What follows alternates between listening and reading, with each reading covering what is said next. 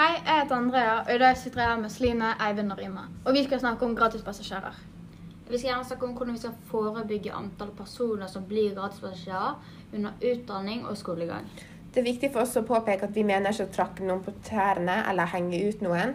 Vi skjønner at ikke vi kan sette oss inn i alle sin egen situasjon, og vi mener ikke å såre noen. Og For å starte en diskusjon så skal jeg bare kjapt forklare hva begrepet gratispassasjerer er. Og det er mennesker som tar nytte av fellesgoder uten å bidra til spleiselaget som lager dem. Så grunnen til at mennesker blir eh, gasspassasjerer, det kan være ofte sykdom og skader. Ja, også I tillegg så er det jo slik i Norge at vi får hjelp med sykdom og uføretrygd. Og fordi det er da en rettighet vi har, som står i menneskerettighetene i artikkel 25, at staten er pliktig til å hjelpe oss dersom vi ikke klarer å eh, jobbe. Og så tror jeg også det har litt med om folk har en dårlig relasjon med skolen, da. Eller at de allerede fra ungdomsskolen eh, føler at ikke de får noe ting til, så er det lett for å miste den motivasjonen. Og da er det viktig å da kanskje anke det inn igjen. Ja, Det er jeg helt enig i det Andrea sa. Ja. Ja, eh, og det er jo det vi på en måte vil fokusere litt på i dag. da. Det er de som nettopp Andreas sa med at de som har falt ut av skolen eh, og derfor blir gratispassasjerer. Og vi Mm. ønsker å forebygge at dette skjer. Ja. Eh, Så et av tiltakene som jeg nevnte, det er jo kunne at skolen må tilrettelegge litt, og at ikke like mange dropper ut som det som har skjedd før. Og Sine, du hadde vel Ja, Tall fra SSB de viser at eh, de siste syv årene så har antall unge uføre under 30 doblet seg fra 10 000 til 20 000. Dette er jo en ganske Mm. drastisk endring. ja. Og eh, derfor mener vi at det må gjøres noe i skolen og under utdanning som kan tilrettelegge for at vi da får mindre gratispassasjerer. Ja. Fordi at flere fullfører bl.a. skolen. Ja, for jeg tror det kan være at vi, at vi starter tidlig. da. At det er blitt plukket opp tidlig på de som eventuelt uh, har en uh, risiko for å bli en gratispassasjer. At det rett og slett blir tilrettelagt relativt tidlig. Ja, og Det er jo tall fra SSB som viser at 38,4 andelen av registrerte arbeidsledige har grunnskole som høyeste utdanning. Så det er jo et eller annet som ligger der, Ja. Ja. som må bli endret. Ja. Ja. Jeg tror det kan være viktig som du nevnte at liksom, Når du allerede har den grunnskolen, at du faktisk kanskje får en sjanse til å prøve. For det er på mange jobber hvor du rett og slett ikke kommer inn. Um, og jeg tror det kan være viktig for arbeidsgiverne også at du gir folk en sjanse. Eller i alle fall la dem komme inn på et intervju. da. Jeg forstår at ikke du kan ha mange hundre folk, men eh, prøv å gi litt sjanse hvis du ser at folk har vært ute av arbeidslivet lenge. At du kanskje prøver å inkludere dem igjen. Men da tenker jeg at da er det litt bedre kanskje å bare ta tiltakene på skolen og ta praktiske evner som et hovedfokus på Ja. skolen. Og ta det litt mer i pensum istedenfor bare teoretisk. Ja. Ja, og fordi at en liten gutt på seks år med konsentrasjonsvansker, han er jo på en måte dømt til å feile, da. Hvis han skal bare måtte sitte bak en pult Mm. Ja. og ikke få noe tilrettelagt for seg. Eh, Så jeg tenker jo at eh, skolen må fokusere mer på det praktiske Ja.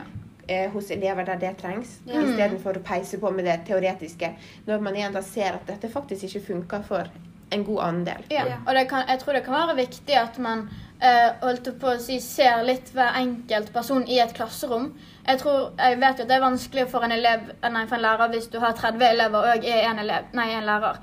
Men at det da heller blir enten eh, færre i en klasse eller flere lærere. At de da kan være med på å plukke opp litt hvem det er som trenger ekstra hjelp, og så rett og slett bare gi eller være med på kanskje forebygge senere i livet. At når de får den hjelpen de trenger tidlig, at de kanskje vet litt hva de må gjøre.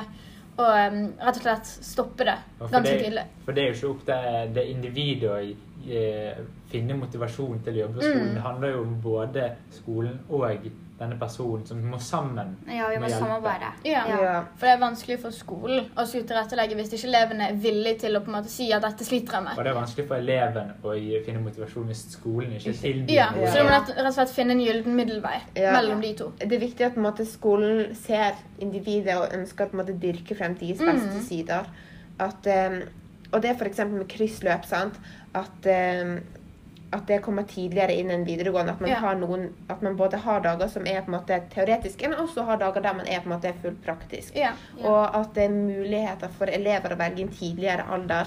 Ikke nødvendigvis hva som skal være yrkesrelatert til seinere, men bare rett og slett ting de interesserer seg for. Ja, eller måten de typ lærer på. Og da. det handler litt om, for at I velferdsstaten så har vi et viktig prinsipp som går ut på frihet. Ja. Og det å kunne velge egne valg. Mm. Det handler litt om, i, til og med i tidlig alder, hva man Ja. har lyst til å gjøre. Ja. At man kan kunne velge den veien vil man ville gå. Og en av velferdsstatens idégrunnlag er jo å kunne klare å unngå utenforskapet og unngå sosial likhet og Nei, å få sosial likhet og økonomisk likhet. Og det kan jo være veldig vanskelig hvis det ikke er samarbeid mellom eh, elevene og skolen. Ja. Og at man rett og slett er nødt til å kanskje ta seg en prat med elevene som går på skolen, og høre hva det er de føler de blir bedre. Og folk lærer på en forskjellig måte, men det er veldig mange som lærer praktisk, og dette blir ikke tatt fram på skolen, fordi at det blir mest teoretisk. Og det er vanskelig å Hvis du er bedre, hvis du er bedre praktisk, og vite at du er bedre praktisk, så du får prøve denne evnen. Ja, og apropos sånn praktisk eh, utdanning.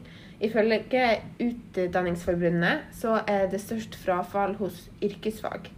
Og det tenker jo egentlig jeg er ganske logisk. Fordi mange av de elevene som sliter med teoretisk i grunnskolen, de velger jo da yrkesfag i håp om at det skal bli bedre for dem.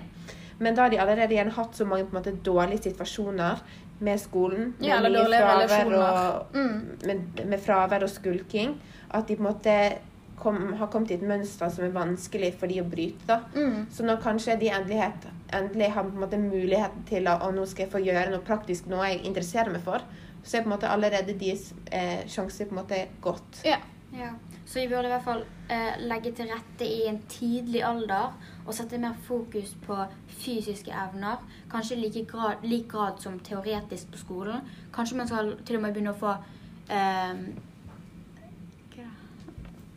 Ja, og så en annen ting er jo det med at um, vi sparer jo mye Det koster jo penger sant, å ha gratispassasjerer.